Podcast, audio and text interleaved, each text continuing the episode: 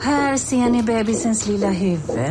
Åh, vad... Men vad, vadå, menar du att huvudet är litet? Nej, det är väl som ett 18 volts batteripack från Bors. Vet du lite för mycket om byggprodukter? Vi är med. -bygg. Bygghandeln med stort K. En nyhet. Nu kan du teckna livförsäkring hos Trygg-Hansa. Den ger dina nära ersättning som kan användas på det sätt som hjälper bäst. En försäkring för dig och till de som älskar dig. Läs mer och teckna på trygghansa.se. Trygg Hansa. Trygghet för livet. Hej, Susanne Axel här. När du gör som jag och listar dig på en av Krys vårdcentraler får du en fast läkarkontakt som kan din sjukdomshistoria. Du får träffa erfarna specialister, tillgång till lättakuten och så kan du chatta med vårdpersonalen. Så gör ditt viktigaste val idag, lista dig hos Kry. Hej och välkomna till lucka 23 i Kolla Svenskens eh, julkalender, även känd som den näst sista eh, luckan, eh, det är 24 va? Eh, som vanligt med mig, Marcus Tapper, och eh, Tommyn till min Lasse, eh, Jonte Tengvall, hallå där! Hallå! Som vanligt när året börjar gå mot sitt slut så tvingar jag också in våran eh, gamla favoritgäst, fast, tror jag, i någon slags liten lägenhet i London, Frida Faglund, hej! Hej, spelar ni verkligen in ett avsnitt varje dag? Alltså fram till den 24? Ja. Det är ju, det ska ni fan ha cred för alltså. Det är ju, alltså jag, jag kanske spelar in i snitt tre podcast i veckan och är helt slut i huvudet efter det. Så herregud, alltså det ska ni ha en eloge för, verkligen. Tack så jättemycket. Jag tänkte också säga det, att jag tror att du är en av få som förvisso kanske förlorar, men kan ta upp kampen med oss i att göra mycket poddar. ja, nej, men jag förlorar gör jag ju eh, definitivt, men eh, det, alltså faktiskt det är, inte, det är inte bara att slänga ihop. Alltså det krävs ändå lite sådär att alltså, hjärnan får jobba en del och man ska ju låta lite smart också. Äh, kanske ni kanske inte fokuserar så mycket på att låta, låta smarta, ni kanske är mer så att, att det ska vara roligt sådär. Men jag kan tycka att man är lite slutkörd i huvudet efter att ha lyssnat på sin egen röst i typ en timme. Men eh, ja, det är, ju, det är ju fantastiskt att det finns folk som lyssnar på det. Ja, ja, jag håller med. Man är ju helt... Eh, alltså man poddar en timme varje dag, sen är man trött på sig själv resten av dagen, lägger sig, och sen är det Ja. repeat. Exakt. Eh, men vi, vart kan man höra, alltså vilka poddar gör det just nu, om det är någon som, någon som lyssnar som inte har eh, alls någon koll på dig? Ja, nej men det är ju, alltså dels då på Sportbladet så är det ju Premier League-podden och och eh, Sillypodden som vi har dragit igång. Där är jag inte med i alla avsnitt, men eh, då och då när det ska snackas lite extra England och eh, sen gör jag ju även en podd ihop med Viaplay, eller för Viaplay ihop med Claes Andersson och eh, Bojan Djordjic och Jonas Olsson, Glenn Strömberg, de alternerar lite så att det blir väldigt mycket fotbollssnack, men det, det uppskattar man ju. Särskilt nu när man sitter i en lägenhet och inte har så mycket annat att göra eftersom man är inlåst. Ja, eh, det, du, du är också väldigt, väldigt bra i podd, måste jag säga. Jag blir alltid, jag blir alltid glad när jag hör, hör att du är med i något jag ska lyssna på. Ja Eh, men det är väldigt men- snällt Marcus, men, men du får ju tänka också att det hade ju varit fruktansvärt om jag fortfarande var jättedålig på det efter att ha gjort det tre dagar i veckan i flera år. Då hade jag ju fått, då hade jag fått byta bransch, 100 procent. Just det, det är som att jag det- säger till en tandläkare bara ”Gud vad bra du är på att röntga mig i munnen”. ja men det är Ja, men jobb, lite snälla. så. Eh, din, din grej är ju Premier League får man ändå säga, du är på plats där och sånt. Eh, jag har en första fråga som är, varför spelar bara Emil Kraft var tredje match för? Han, alltså nu har ju han varit eh, alltså jättesjuk tydligen i covid-19. Hela Newcastle var ju jättedrabbat av detta. De fick ju skjuta upp en match också. Jag tror det var matchen mot Alltså, Aston Villa va, som blev framskjuten på grund av att de inte hade tillräckligt många spelare. Och Emil var en av dem som blev sjuk och verkar fortfarande dras med sviter kring det. Det finns ju andra spelare också som också har, eh, som inte har gjort en match sedan dess, alltså Alan eh, Saint-Maximin till exempel. Så att, eh, nej, det, det är ju dels därför. Sen är det ju också att han inte alltid passar in i Steve Bruce system. De gånger de kör med fyrbacks, fyrbackslinje har han ju betydligt större chans att få spela jämfört med när de kör trebackslinje. Men eh, han har ändå fått spela lite fram tills han blir sjuk. Så att det går lite upp och ner sådär.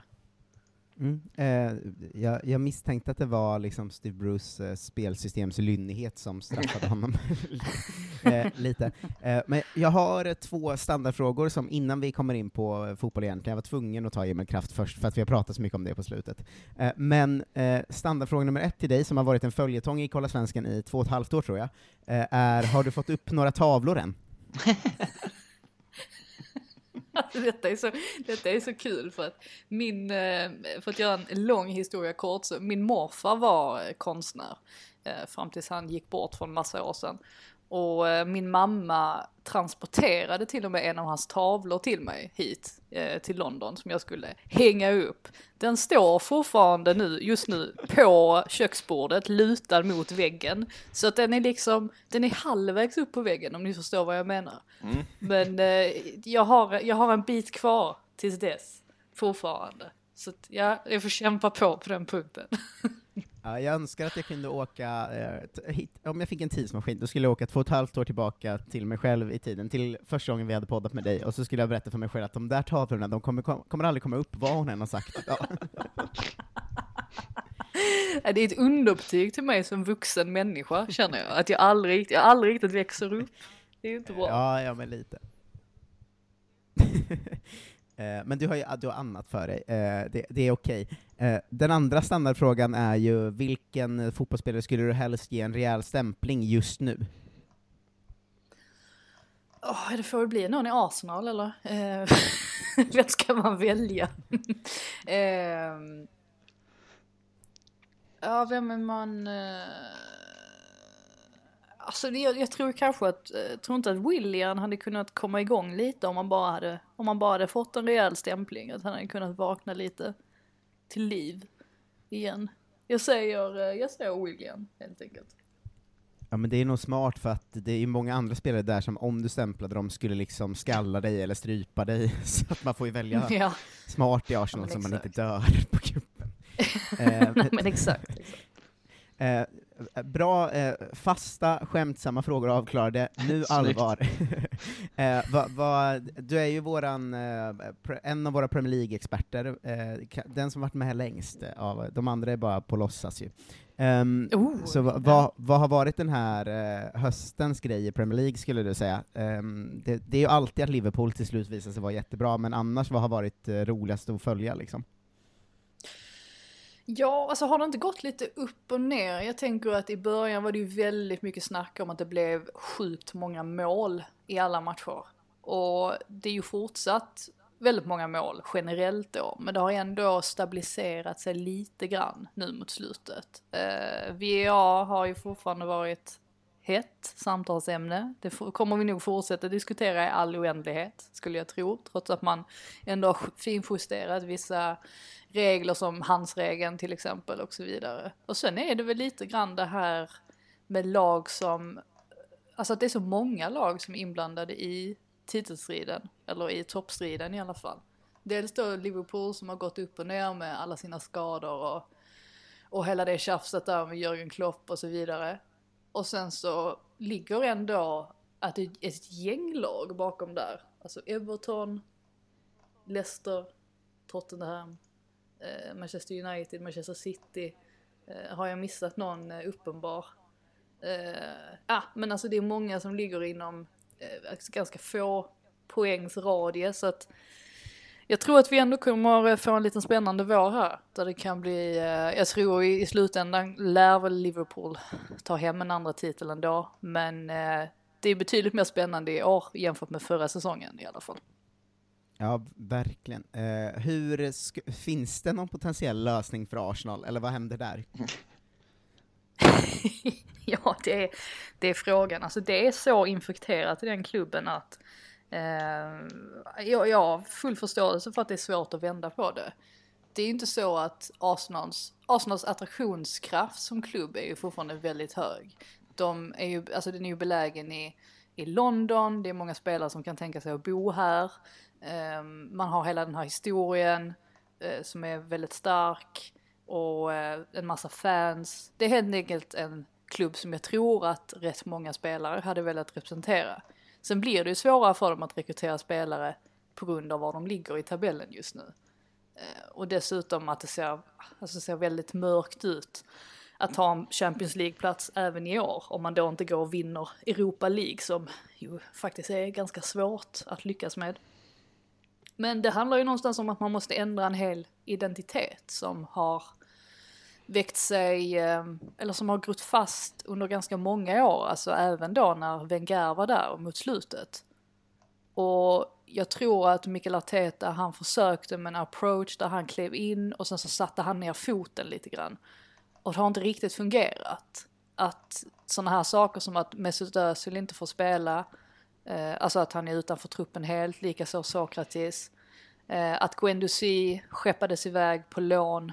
Eh, den typen av saker har inte gått hem hos alla spelare och jag tror att det kan vara lite störningsmoment i omklädningsrummet som gör att man tar med sig det ut på planen. Sen tittar man spelare för spelare i deras lag så har de ju inte ett lag som, jag tycker inte att de är bättre än många andra av de lagen som, eh, ja men som Leicester till exempel, individuellt sett. Och ska då Arsenal kliva ut varje vecka och spela en spelförande fotboll, det är ganska mycket begärt av ett lag av den kalibern.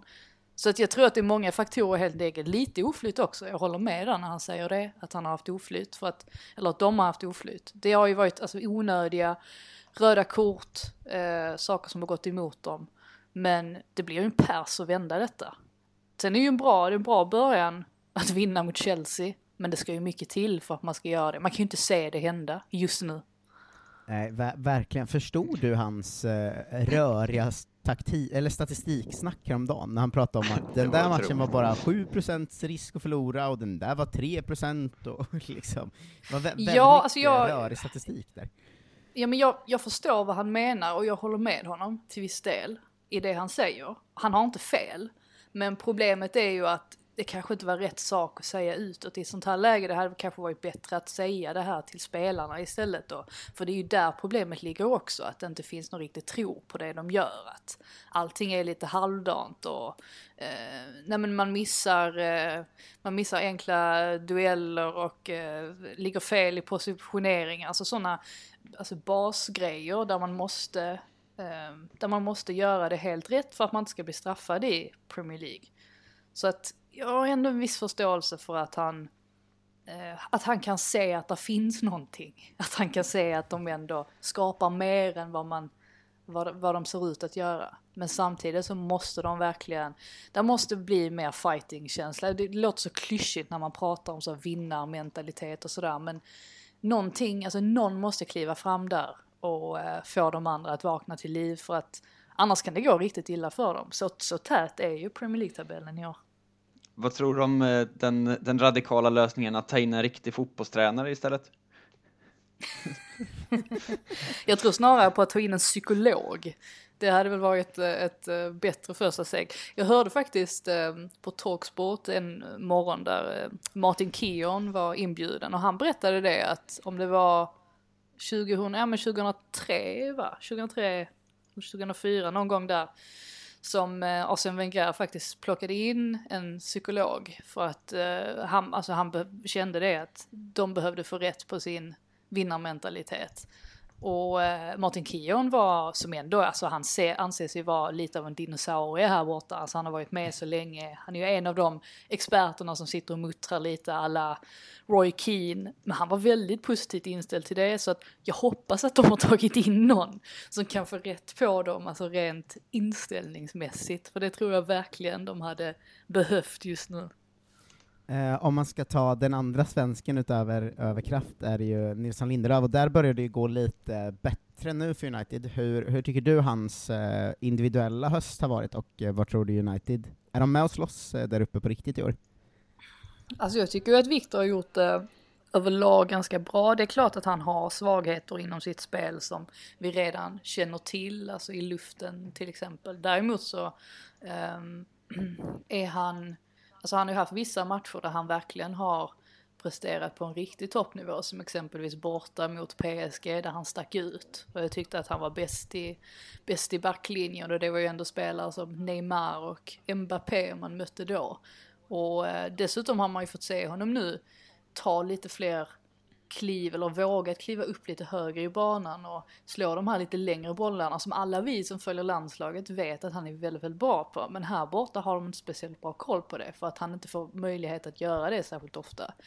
Um, tacksamt att prata om United när de precis har slagit uh, Leeds med tennissiffror. Men uh, det är väl så här de kommer vara, tror jag, att de, det går lite upp och ner, att de är väldigt duktiga på att, alltså, möta Leeds är väldigt tacksamt för ett omställningsstarkt lag som United, men när de ställs mot eh, lag som står betydligt lägre i försvaret så kan det se riktigt, riktigt dåligt ut om de inte har någon som kan luckra upp dem och det är ju alltid Bruno Fernandes klassiskt exempel är ju matchen mot West Ham där Bruno Fernandes sitter på bänken i första halvlek och United gör väl typ sin sämsta halvlek för säsongen där och då och sen kommer Fernandes in och så lyckas man ändå vända på det så att det har ju inte sett helt självklart ut men, men alltså sett till konkurrenterna och sådär så är det väl klart att de kommer ligga, alltså de kommer ju säkert hänga med där uppe för de kommer ta tillräckligt med poäng. De har tillräckligt individuellt skickliga spelare också för att göra det. Ehm, men jag är ju inte övertygad om fortfarande och det tror jag att många andra tvivlar på också att Solskjaer är den managern som kommer få United till en sån här Liverpool-nivå om ni förstår vad jag menar. För det är ju mm. dit alla klubbar strävar.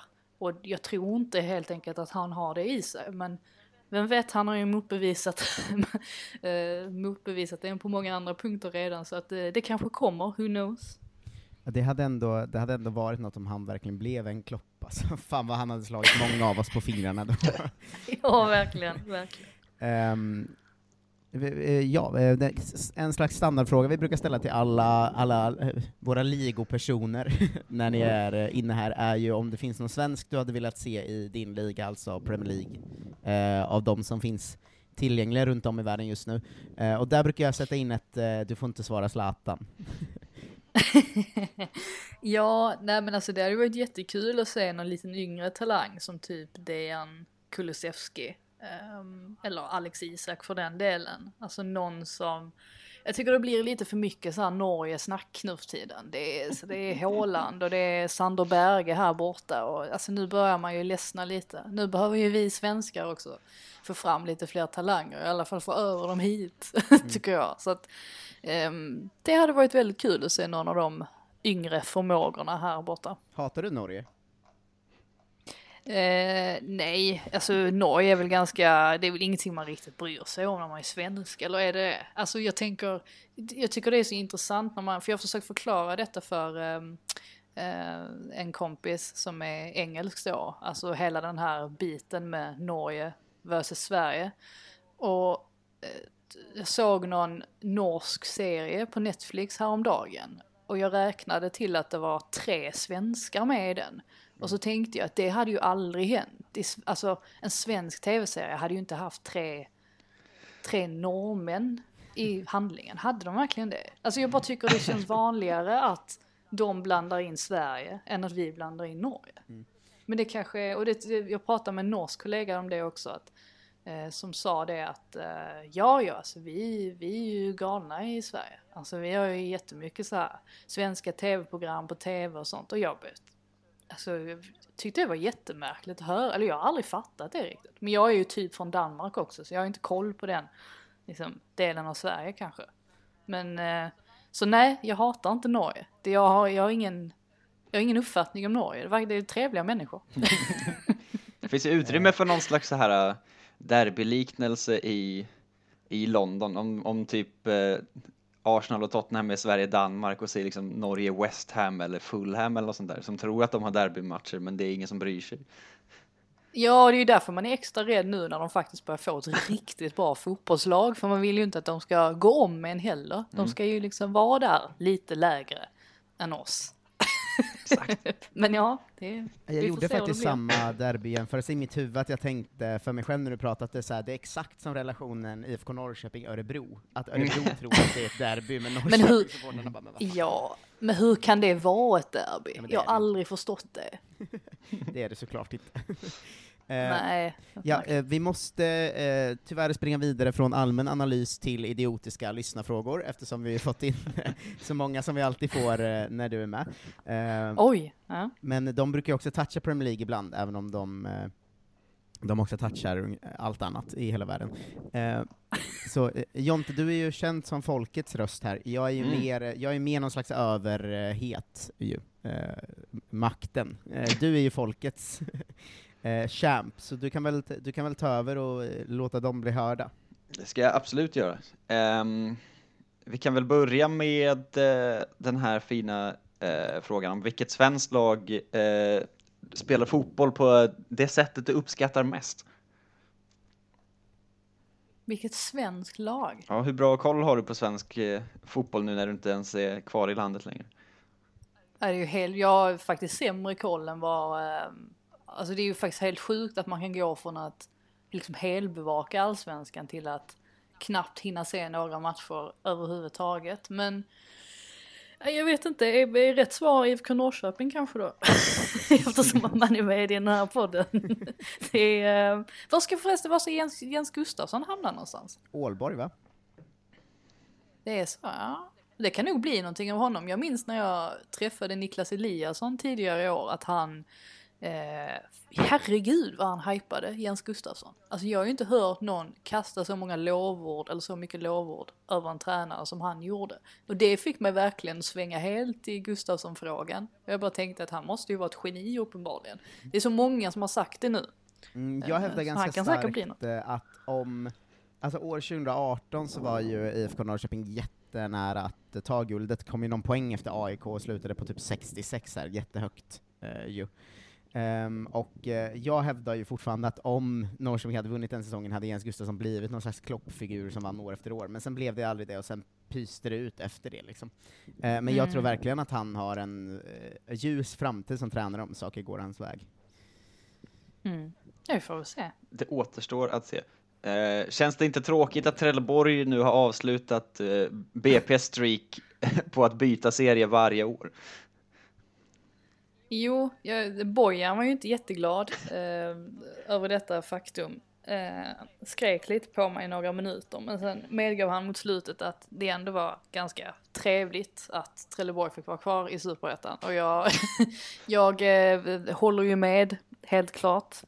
Det, eh, alltså året har ju verkligen inte blivit som det var tänkt. Men eh, jag hoppas nu när Salif Kamara Jönsson kliver upp i sportchefsrollen att eh, det ska bli lite mer eh, struktur och eh, ja, att man ska få till lite mer framgång nästa säsong. Jag håller tummarna för det, för det här, det här vill man inte återuppleva igen. Hur mycket brinner Bojan för BP egentligen? Alltså då, där och då brann han otroligt mycket för det. Eh, så vet jag inte överlag, men eh, ja, han, han kanske känner lite grann för Trelleborg i alla fall eftersom att jag, eftersom att det är mitt lag också. Men eh, det är ju, eh, nej men BP är en fin förening ändå. Jag var, jag var riktigt skraj inför eh, det dubbelmötet för jag tänkte att Trelleborg vinner aldrig detta. Men eh, det är ju härligt att säga att de i alla fall kan stå upp i en svettig eh, straffrysare där som de gjorde på Vångavallen. Ja. Är inte Bojan något av en eh, brinna där och då-person också va? jo, det är väl därför vi alla älskar honom, eller? Att han, han kan verkligen sätta, sätta ord på känslorna i stunden. Det, det, får, man, det får man ge honom. Det är en speciell liksom, egenskap att ha, att kunna brinna till för nästan vad som helst och skapa innehåll av det ändå. ja men verkligen, gå och handla och sen plocka upp ett ruttet äpple och liksom bli rasa över det. det. Det finns ändå någonting fint i sådär med känsloutbrott lite då och då. Jag, jag föredrar det jämfört med någon som är helt plan liksom. Det, är- det är härligt med någon som visar lite, ja, lite, som är lite eldig. Mm. Eh, I vilket engelskt lag skulle du stoppa in Axel Björnström och Stefano Vecchia? Den obligatoriska Sirius-falangen i frågetråden. Jo, den har man hört. Den har man hört för. Ja, de- men där de vill spela. Jag inte. att det ändå lämna över det på dem, det är ju otroligt. Ja, nej men Axel Björnström är ju, tycker han är fin alltså. Vad tycker Som du om spelare eh, då? Veckas eh, musik? Vad sa du om Vecchias? Vecka släpper ju musik. Har du missat det? Gör han? Han släpper ju en italiensk-svensk rap ju. Ja, just det. Det går ju, det är mycket att den, eh, alltså det är sån liksom svensk Norli KKV-rap. eh, alltså jag kommer ihåg när Ja. vi var nakna, baby. Eh, och sen är refrängen något eh, på italienska alltid, Sulla luna. Det är ju, lyssna på den innan du låter dem ta sina egna beslut. Eh, tips. Ja, jag tror kanske att jag, just det, jag får revidera det nu ja. Det kan gå hur som Eh, helst. Men Björnström, Björnström kan väl, eh, kan inte han få gå till Brentford där alla andra, eh, där alla andra är? Ja, absolut. Alla andra. Har de liksom hundra spelare? Det. Nej men alla andra svenskar och danskar och allt vad de har. Eh, sen det är det lät bara massa... väldigt kul att det är en sån så här, alla som vill gå någonstans, bara ta Brentford, alla andra är där. Ja. Eh, Det är ett helt gäng frågor om Arsenal såklart som vi redan har pratat ganska mycket om, men vi kan väl eh, vi kan koka ner det till när, vad ska krävas för att Arteta får sparken? Eh, Det kommer att krävas jättemycket, tror jag. Det kommer att krävas att man liksom förlorar fem matcher i rad ytterligare eller någonting. Jag tror plockar de en seger nu inom närmaste tiden så tror jag definitivt han får ännu mer tid. Alltså Edu står ju bakom honom till 100% just nu i alla fall. Det kan ju ändras snabbt. Och de är ju medvetna om att de har en långsiktig plan som kommer att ta tid och det kommer att ta fler transferfönster. Och jag tycker väl så länge det inte urartar helt och han tappar hela omklädningsrummet så tycker jag att det är rätt att göra så just nu. Eh, de har bytt tränare tidigare och ska man göra det igen, alltså då måste det vara rätt person som finns tillgänglig tycker jag. Annars, är det, annars finns det ingen mening med det tycker jag. Gott så. Vem i svenska landslaget skulle vara bäst på att spela tomte? Oh, spela tomte. John Guidetti är väl petad nu, kan inte ta honom. Ja, nämns alltid. Nej men Mikael Lustig är ju jävligt skön. Alltså han är ju, han är ju skön på riktigt. Han är ju en av de roligaste spelarna i hela industrin. Så det får bli honom tror jag. Jag tror att han har gjort, gjort det bra som det. Ja, varför inte? Det är en hel, eh, det är ganska många som har frågat om Harry Maguire. Hej, Synoptik här. Visste du att solens UV-strålar kan vara skadliga och åldra dina ögon i förtid? Kom in till oss så hjälper vi dig att hitta rätt solglasögon som skyddar dina ögon. Välkommen till Synoptik. På Sveriges största jackpot-kasino går hypermiljonen på högvarv. Från Malmö i söder till Kiruna i norr har hypermiljonen genererat över 130 miljoner exklusivt till våra spelare. Välkommen in till Sveriges största jackpot-kasino, hyper.com. 18 plus, regler och villkor gäller. Välkommen till Unionen. Jo, jag undrar hur många semesterdagar jag har som projektanställd och vad gör jag om jag inte får något semestertillägg? Påverkar det inkomstförsäkringen? För jag har blivit varslad, till skillnad från min kollega som ofta kör härskarteknik på möten och dessutom har högre lön trots samma tjänst. Vad gör jag nu? Okej, vi tar det från början. Jobbigt på jobbet. Som medlem i Unionen kan du alltid prata med våra rådgivare. Det är också. Det är en, en, en tydlig hang-up. Eh, är han drygast i Premier League? Hur mycket skulle United behöva betala för att skicka tillbaka honom till Leicester? Eh, den typen mycket. Ja, nej, men han är dryg. Eh, Men det grejen är ju att alla spelare som hamnar i Manchester United blir dryga. De kan vara jättetrevliga dessförinnan och sen kommer de dit och så är det som att det är någon förbannelse som bara ligger över dem som gör att de liksom beter sig som, ja, beter sig lite svinigt. Med några undantag förstås, men så var det ju alltid. Jag var ju länge på Harry Maguires sida, men det var ju den här incidenten i Wolverhampton förra året eh, som, eh, som jag liksom vände helt för att han var så sjukt otrevlig mot de brittiska journalisterna. Alltså jag har aldrig sett något liknande. Alltså det var, det var inte bara det att, du vet många, många spelare de ignorerar ju, alltså man kan, en journalist kan ju vara två meter ifrån och säga den spelarens namn och den personen bara ignorerar och fortsätter att gå vidare. Men Harry Maguire stirrade ju på dem. Alltså han stirrade på dem så här mördarblick, tittar bort och fortsätter gå. Jag bara tänker, va? Alltså jag vet inte vad som är värst. Alltså, jag tycker att man kan säga, och så gör de oftast i Sverige, att man kanske säger nej tack inte idag. För, för det mesta stannar de ju i Sverige, vilket är jättebra tycker jag. Men eh, det, jag tycker i alla fall att man kan säga liksom no thanks, eh, not today, vad som helst. Men eh, alternativt då kanske titta bort helt och låtsas inte höra. Men att han verkligen stirrar på dem och sen tittar bort. Alltså det, det var så konstigt. Alla bara liksom tittar på varandra. Vad hände precis?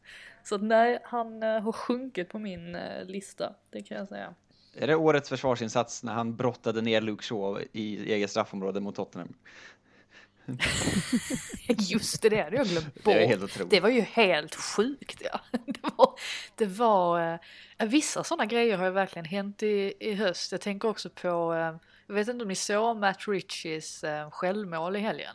Men nej, Alltså så det, precis. det är också en sån, ja men det är också en sån där, sånt ögonblick som, alltså det, det kommer typ, det kommer vara med i varenda sån här, eh, alltså sammanfattningsfilm sen över Premier League-säsongen 2020-2021 eh, framåt våren. För han får liksom bollen alltså, rätt i huvudet och så går den in i mål. Och jag tror väl att Maguires livgrepp där, det kommer säkert också kvalificera in eh, i den sammanfattningen. Alltså det var verkligen helt galet. Alltså, att han bara flyttar på dig till en egen lagkamp. Man får ändå ge att han verkligen ville nå bollen. Alltså han var ju väldigt inställd på det i alla fall. Så att, ja, men det var ju inte det bästa, bästa de har gjort kanske. Eh, hur sitter egentligen Emil Forsbergs pannband kvar på huvudet? Det är ju mitt uppe på. Ja, det säger det. Jag har alltid, jag förstår inte hur folk kan spela med pannband. Jag har aldrig gjort det trots att jag alltid har haft långt hår. Jag tycker det är, jag vet inte, det är, ju- ju obekvämt. Men man ser inte det så mycket här i Premier League heller. Jag kan inte komma på en enda spelare som har pannband. San Maximum har väl ett sånt Björn Borg-pannband typ. Ja, just det, det har han. Det har han ja. Men han är nog den enda va? Jag kommer faktiskt inte heller på någon Nej, annan jag kommer på inte, rak jag kommer arm. inte alls på någon. Och då är det ändå många som har långt hår ju. Men jag kan inte alls minnas att det finns någon. Jack Grealish, har han det? Han Han har något litet ibland. Ha, jo, jo, det, jo, men det är nog sant. Men inte varje match tror jag. För ibland har han bara det så här, han har alltid någon sorts så här backslick. Mm. Men det är kanske, det är nog sant att han har det ibland ja. Mm. Han och hans identiska lagkamrat Matty Cash som ser exakt likadan ut. Alltså de är ju samma stil, det är ju verkligen den här brittiska, alltså de hade ju lätt kunnat vara med i Love Island två, liksom. Det är ju den typen. Det hoppas Eh, vi på. Finns det någon eh, eh, du tycker är liksom roligare att se spela fotboll än Jack Relish? Jag tycker det är så jävla kul att se honom spela, att han känns så himla Fifa Street. Uh, ja, det, men det, absolut. Han är, eh, det är ju en av de roligaste matcherna jag har sett den här säsongen. Det är ju West Ham Aston Villa. Uh, lätt uh, säsongens match hittills. Så jävla bra på alla sätt och vis. Den hade alla parametrar. Det, det, dels så att Grealish var extremt bra men också att det var liksom bråk på tränarbänken. John Terry fick gult kort. Det var, det var superbra från början till slut. Men ja, han är ju fantastisk att titta på. Jag tycker ju på tal om San Maximan att han är ju också en av de här där det händer det händer lite grann när han har bollen vid fötterna. Det gör det inte så mycket annars i Newcastle. Ja, så att det är, ju, det är ju alltid kul med de spelarna som, ja, som är individuellt fina. S är ju ett annat exempel också i Palace. Mm. Också Mm. kul att titta på. Så att, ja, det finns en del. Eh, här bakar vi ihop eh, ett, ett par Brighton-frågor eftersom att eh, det verkar som att du brinner för dem också. Ehm, har de en stor övertro, övertro på eh, sin egen filosofi, Potter? Är verkligen Welbeck svaret på anfallsproblemen? Jag tror inte att eh, Graham Potter, hade han fått välja så hade han nog plockat in någon annan än Danny Welbeck. Men det, situationen var ju som den var. Så dök ju det här läget upp när Welbeck hade brutit kontraktet med Watford, att man kunde gå in och plocka honom. För att man insåg ju ganska snabbt att man kan inte förlita sig på Neil Maupay. Alltså det, det går inte. Han kommer aldrig göra 20 mål på en säsong. Det är ganska bra att jag säger detta nu, för att det kan ju vara att jag jinxar fullständigt och helt plötsligt börjar han bara ösa in Ja, mål. jag kan verkligen inte se det framför mig. Det, jag tycker inte att Brightons problem är deras filosofi. Om, om man ser till förra säsongen till exempel så slog de i sitt egna målrekord. Det här är ju ingen klubb som har gjort sådär jättebra resultat i, i Premier League. De har inte legat där uppe särskilt länge. Ehm, det är klart att de måste börja göra, göra mer mål. Men om de bara lär sig att liksom pricka, alltså pricka målet.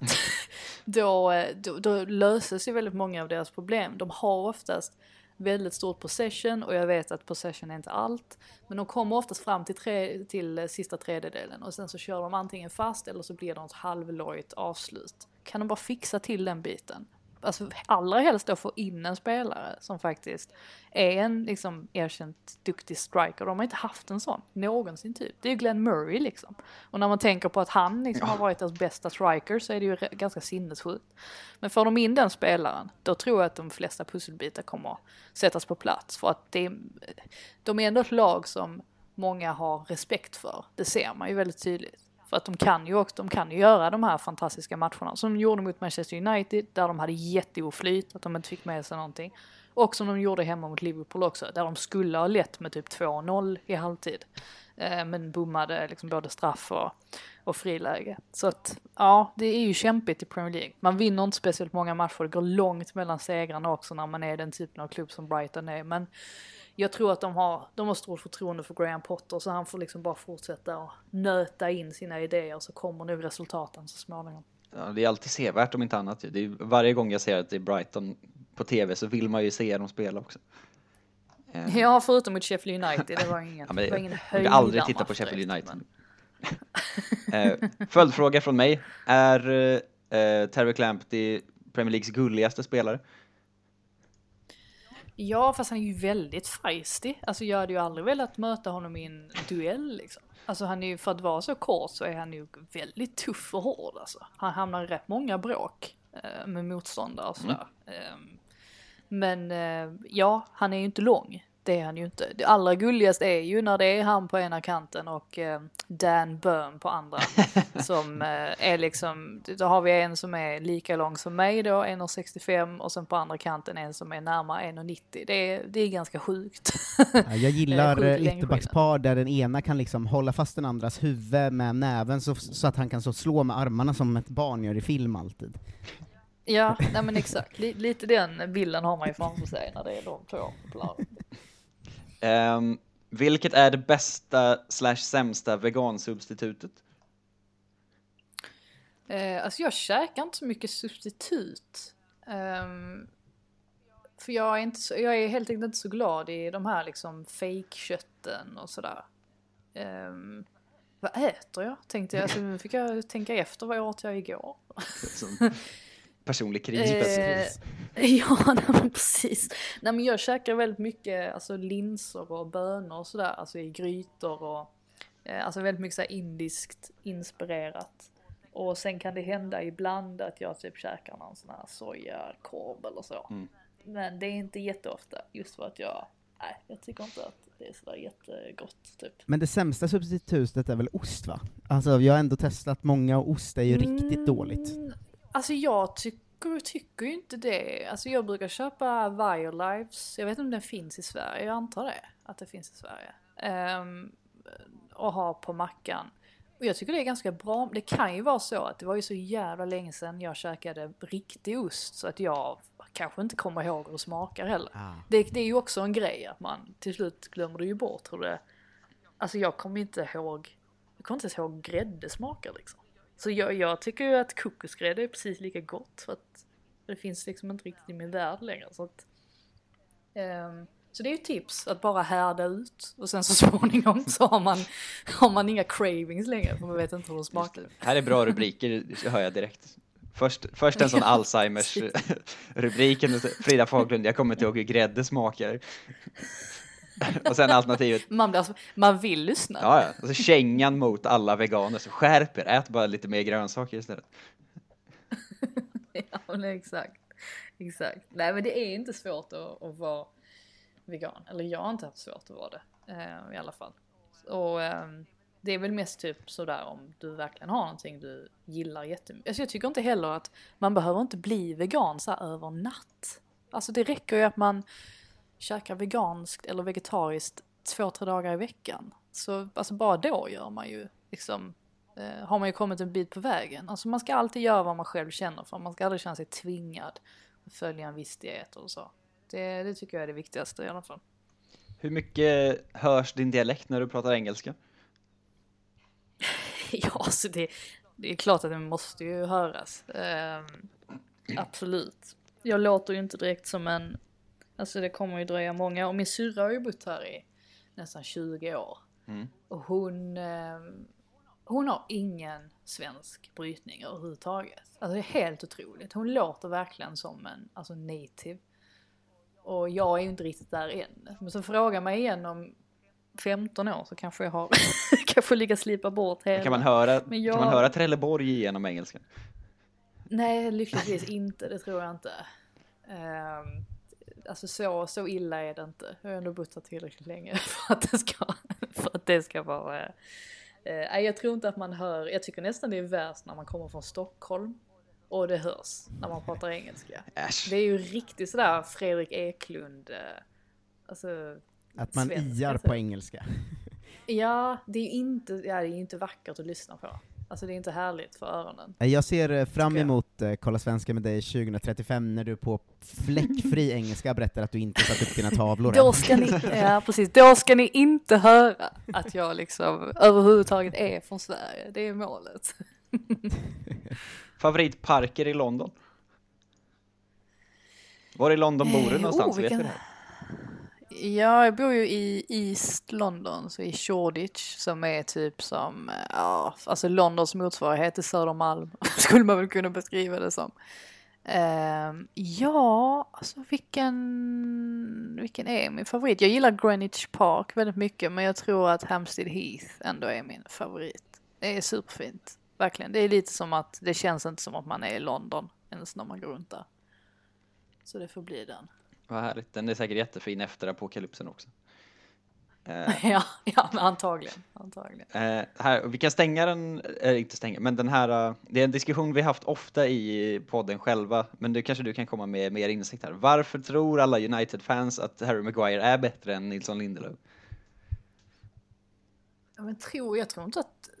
eh, Jag tror att de ändå svängt lite under hösten. Alltså nu har Harry Maguire, Alltså, jag tycker han har varit jättebra de senaste matcherna. Så att man ska inte vara så. Jag tycker Lindelöf också har varit överlag stabilt. Det är klart att han gör något misstag då och då men eh, jag tror ändå att i början där i samband med då dels när han skrek fuck the Greek civilization eller vad han höll på med och sen så kom allt det här andra också efteråt och han gjorde några dåliga insatser. Då började ju England definitivt svänga i eh, Maguire-frågan. Eh, men nu är det väl tillbaka till att ja, Lin, eh, Lindelöf och Maguire är ett hyfsat backpar. Lindelöf har inte alltid vad som krävs. Det kommer nog vara så. Eh, det kommer nog krävas väldigt mycket för Viktor att eh, försöka eh, ja, sudda ut den stämpeln han har fått. Liksom. Kan vara, kan vara något. Jag tror ju bara att de också är väldigt engelska och gillar engelsmän. Ja, det är faktiskt en, det är en, låter enkelt men det är säkert en jättebra förklaring det också. Är inte det också, vi har pratat ganska mycket om det, att så här, när, även när Jordan Pickford var som sämst ett tag där, alltså han hade ju ett par matcher i rad där man kände att gud vad det här är svajigt liksom, att så här, han är så pass mycket Englands första keeper att det är väldigt svårt för Robin Olsen att få speltid, hur dålig han än skulle vara. Liksom. Nej, jag håller inte med där. Eh, Pickford har inte många på sin sida här borta. Det är väldigt många som är kritiska mot honom och många som, an, alltså att majoriteten anser att han inte borde vara första målvakt i landslaget. Skönt att höra. Eh, och varje gång Robin har fått chansen, det är väl två, två Premier League-matcher han har spelat nu, så har eh, reaktionerna varit alltså liksom glädje från både supportrar och liksom eh, journalisterna har inte varit upprörda på något sätt och eh, tyckt att det har varit konstigt utan man köper att Ancelotti vill rotera just för att Pickford kanske också är eh, ja, att han är väldigt upp och ner, att han kan göra en supermatch och sen så nästa match kan han göra ett misstag. Så att, nej, där tycker jag inte att det stämmer in. Skönt att höra, för vi vill ju att uh, Olsen, jag, jag är ju 100% på att Olsen är bättre än Pickford, men jag är också partisk åt andra hållet. De är bra på olika saker, tycker jag. Just det, en är bra på att stå i mål och den andra är bra på rave, eller vad är liksom? Ja, nu tänkte jag ju mer liksom i själva målvaktsspelet, olika saker. Men, men, men absolut, det kanske är på, jag kan inte riktigt se Robin Olsson på rave dock, men eh, ja, det, det är kanske sant. Um, mm, mm. Ja, här vet jag inte om det är någon som försöker fiska efter någonting, men det är någon som har frågat om din relation till Todd Cantwell. Eh, Alltså vad är, jag förstår inte var detta kommer ifrån. Eh, jag fattar verkligen inte vad det är ryktet, vad det, vad, hur det har uppstått. Det är väl för att vi har pratat om det i i podden. Nej men Todd Cantwell är, han är ju trevlig. Gott så. Nu, jag visste inte Ja. att det här ryktet fanns, men nu brinner jag för det. Nej, inte jag heller, men jag antog att det fanns en ton i frågan här. Som, Ja, nej men, vi, nej men som sagt han har ju kommit upp ganska frekvent i, i, i podden liksom, i Premier League-podden och sådär. Och eh, han är ju jättebra spelare och då, Norwich är ju på väg upp i Premier League igen ju så att vi lär säkert få se mer av honom nästa säsong igen. Han är ju en av de unga lovande engelska talangerna så att säga. hoppas att han får spela i Premier League. Är, han är lite så Grealish light-stämning över det. Mm, ja men lite grann är det. Absolut. Eh, Jag tror han hamnar där ändå till slut så att ja. man behöver inte vara orolig för det. Ehm, tror du att Zlatan gillar att klippa av ullen på får? Eh, har Zlatan få, har, eller har han gjort det uppe i fjällen när han har varit Jag har där? ingen aning om var den här frågan kommer inte? ifrån. Nej jag vet inte men jag vet, alltså, man vet ju att han hänger mycket där uppe med, och det är renar och det är jakt och grejer. Så han kanske har gjort det också, det skulle inte förvåna någon. Men det är ju fint, alltså han, alltså jag tycker det är det svenskaste med honom, att just att han åker upp till fjällen, alltså det, dit har ju inte ens jag, där har ju inte ens jag varit. Alltså är man skåning åker man ju ner till Alperna, men eh, trots att han är skåning så tar han sig upp där, det hedrar honom, verkligen. Ja, det är, googla Zlatan och fjällen så är det bara sådana artiklar som är Zlatan köper sitt tredje hus i fjällen. Han älskar det varje gång. Eh, Ja men precis. Vad härligt att, att få den lilla biten. Ehm, vilken, vilken spelare i Premier League äter mest korv? Korvaura. Alltså, eh, ja, alltså vad är en korvaura är ju min fråga då. Hur ser en spelare, är det, är det någon som gillar att slakta djur eller vad, alltså är det något Jag vet inte. annat? Jag tänker Steve Bruce ser ut som att han äter ganska mycket korv. Ja, det är kanske lite Janne Andersson-aura på Steve Bruce. Är många korvar. Eh, ja, nej men det är ju generellt så, de älskar ju korvar här borta i alla dess eh, former. Eh, konstigt nog. Alltså det är ju, ja, de kallar ju liksom pigs in blankets för en delikatess på julbordet, vilket är prinskorvar inlidat i bacon. Alltså så att det säger ju ganska mycket om, om engelsmännen generellt. Så det finns nog rätt många som går under den, det epitetet. Eh, finns uttrycket att få någon att gå och köpa korv på engelska, eller finns det bara på svenska? Alltså när man fintar bort en spelare grovt och säger att han gick och köpte korv. Ja, jo men det är klart att det finns. He went for some sausages. Nej, alltså det, det, det kan du inte säga. Då, då kommer de inte förstå så jättemycket. Men det är klart att det måste finnas något uttryck som är, nu kommer jag inte på någonting bara så här på uppstuds. Men... Eh, vi har diskuterat eh, om det finns på något annat språk än svenska, och, alltså just gå och köpa korv. Eh, Nej, det tror jag ju inte. Alltså just korv, nej. The lad went, He for a went. bit of pie. Eh, ja, jag ska faktiskt fråga min, eh, min kompis ikväll. Det blir intressant. Jag kan, eh, jag kan följa upp det. Ehm, ja, det vill jag jättegärna att du gör. Det kommer inte alls låta Mm. konstigt att ställa den frågan. tror jag. Ja men det är, jag ställer så många frågor, konstiga frågor till honom så han är, han är van. det är lugnt. Nu fick jag upp i huvudet när, eh, ehm, när James Richardson spelade upp långa bollar på bänk för dig i podden och du inte förstod någonting. Det gjorde mig väldigt Han var ju, min, min kompis var ju med i den podden. Ja, ja, ja. Och han, han, det var det första han sa när vi kom ut därifrån. Han bara, varför gör James så här?" alltså, det, är alltid, det är alltid när jag ska vara med där så är det, det ska alltid vara någon svensk, eh, alltså jag kan liksom aldrig bara vara eh, människa utan jag är alltid liksom svensken Frida. ja. aldrig människa Frida. Men det är min bild av Så dem, att, eh, många sådana poddar, att de är liksom, nu kommer, nu kommer den, den ryska killen in, eller nu är det hon från Sydamerika, och så kör de mycket sådana. Ja, nej, men precis. Man får väl ta det. Men det är ju hemskt när jag liksom inte de spelar upp musik och sånt som jag aldrig har hört. Jag bara sitter där som, ett, som en fågelholk och bara, jag vet inte, jag har ingen aning. Har du, har du gått hem och pluggat in långa bollar på bänk nu? Alltså den hade jag i och för sig hört. Men det var rätt många av de andra sakerna, dels som man sa. Och alltså ord liksom. Och, eh, och låtar som jag bara, men gud jag kan ju ingenting. Plus att musik är ju helt, alltså om jag är med På spåret någon gång så måste jag ha någon bredvid mig som kan musik typ. Alltså jag, jag är det är inte min starka, min starka sida. Jag kan typ alltså 00-talets musik, absolut. Men resten är jag urkass på verkligen. Det är den enda man behöver kunna ju, det vet vi alla. Ja, nej men exakt. Eh, ja, skulle du vilja vara med På spåret på riktigt? Jag hade älskat det. Alltså jag sitter ju varje fredag, jag är så patetisk. Eller inte varje fredag, det beror på när man har tid att kolla på det. Men eh, jag ser ju varenda avsnitt. Och så sitter jag i mallig över att jag klarar resmål på högre poäng än vad de i burarna gör. Och sen ringer jag upp min mamma och så pratar vi om hur dåligt På spåret har blivit för att frågorna är så mycket lättare Yes. men de som deltar är så mycket sämre än det var för några år sedan. Och jag bara känner liksom att det här, det är hit jag har kommit. Här sitter jag i London och, och, eh, och håller på med sånt här. Det är ju det är otroligt patetiskt. Men eh, absolut, jag hade älskat att få vara med På spåret. Det här gjorde mig mycket i glad. framtiden.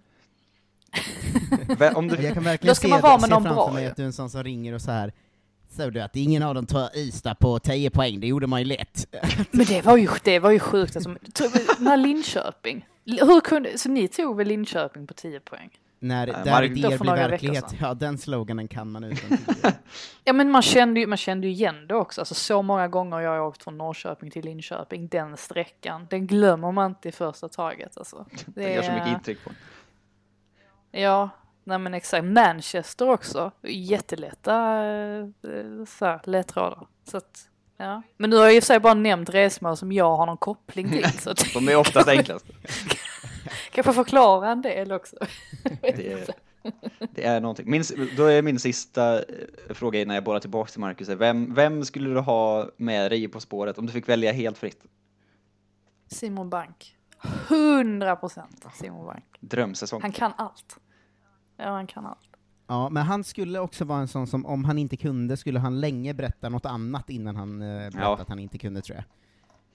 Jo, men sen tror jag också att han, han kan mycket sånt som jag inte riktigt har koll på, alltså inom, eh, eh, ja men du vet så här eh, obskyra konstnärer som ingen har koll på. Litteratur, är jag, litteraturvetenskap har jag ju läst, det är där, där är jag ju rätt så hemma. Men just såna här lite konstiga saker tror jag han har väldigt bra koll på. Eller han kanske inte är så bra på biologi och sånt, det måste man ju också vara. Där är jag också lite svag. Ja, men det är också Man typ en fråga per avsnitt. Det är inte så farligt. Ja men exakt, det kanske man kan överleva. Så att, ja men jag hade definitivt tagit han. Ja, om det är någon som lyssnar som jobbar med att kasta På spåret är det ju helt galet att ni, om ni inte har Frida och Simon Bank som ett lag nästa år. Ja, det här lobbar vi för. Ja, verkligen. exakt.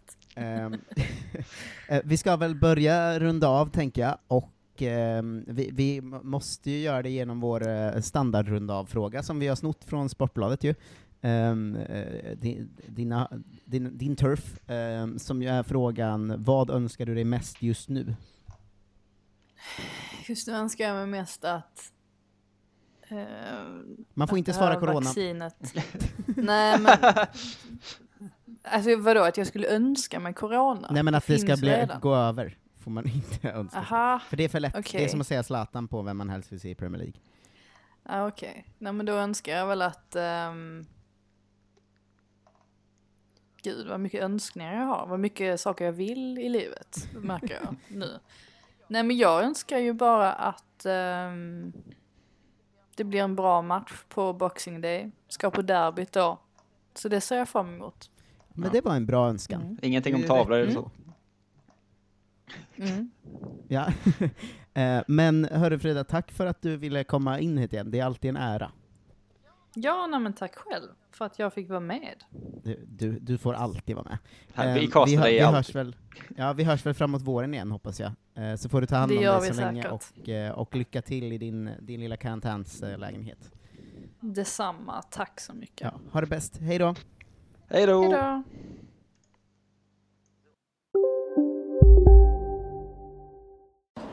Kolla menyn. Vadå? Kan det stämma? 12 köttbullar med mos för 32 spänn. Otroligt! Då får det bli efterrätt också. Lätt! Onsdagar är happy days på IKEA. Fram till 31 maj äter du som är eller blir IKEA Family-medlem alla varmrätter till halva priset. Vi ses i restaurangen på IKEA. Upptäck det vackra ljudet av McCrispy Company för endast 89 kronor. En riktigt krispig upplevelse. För ett ännu godare McDonalds. Nej. Dåliga vibrationer är att gå utan byxor till jobbet. Bra vibrationer är när du inser att mobilen är i bröstfickan. Alla abonnemang för 20 kronor i månaden i fyra månader. Vimla! Mobiloperatören med bra vibrationer.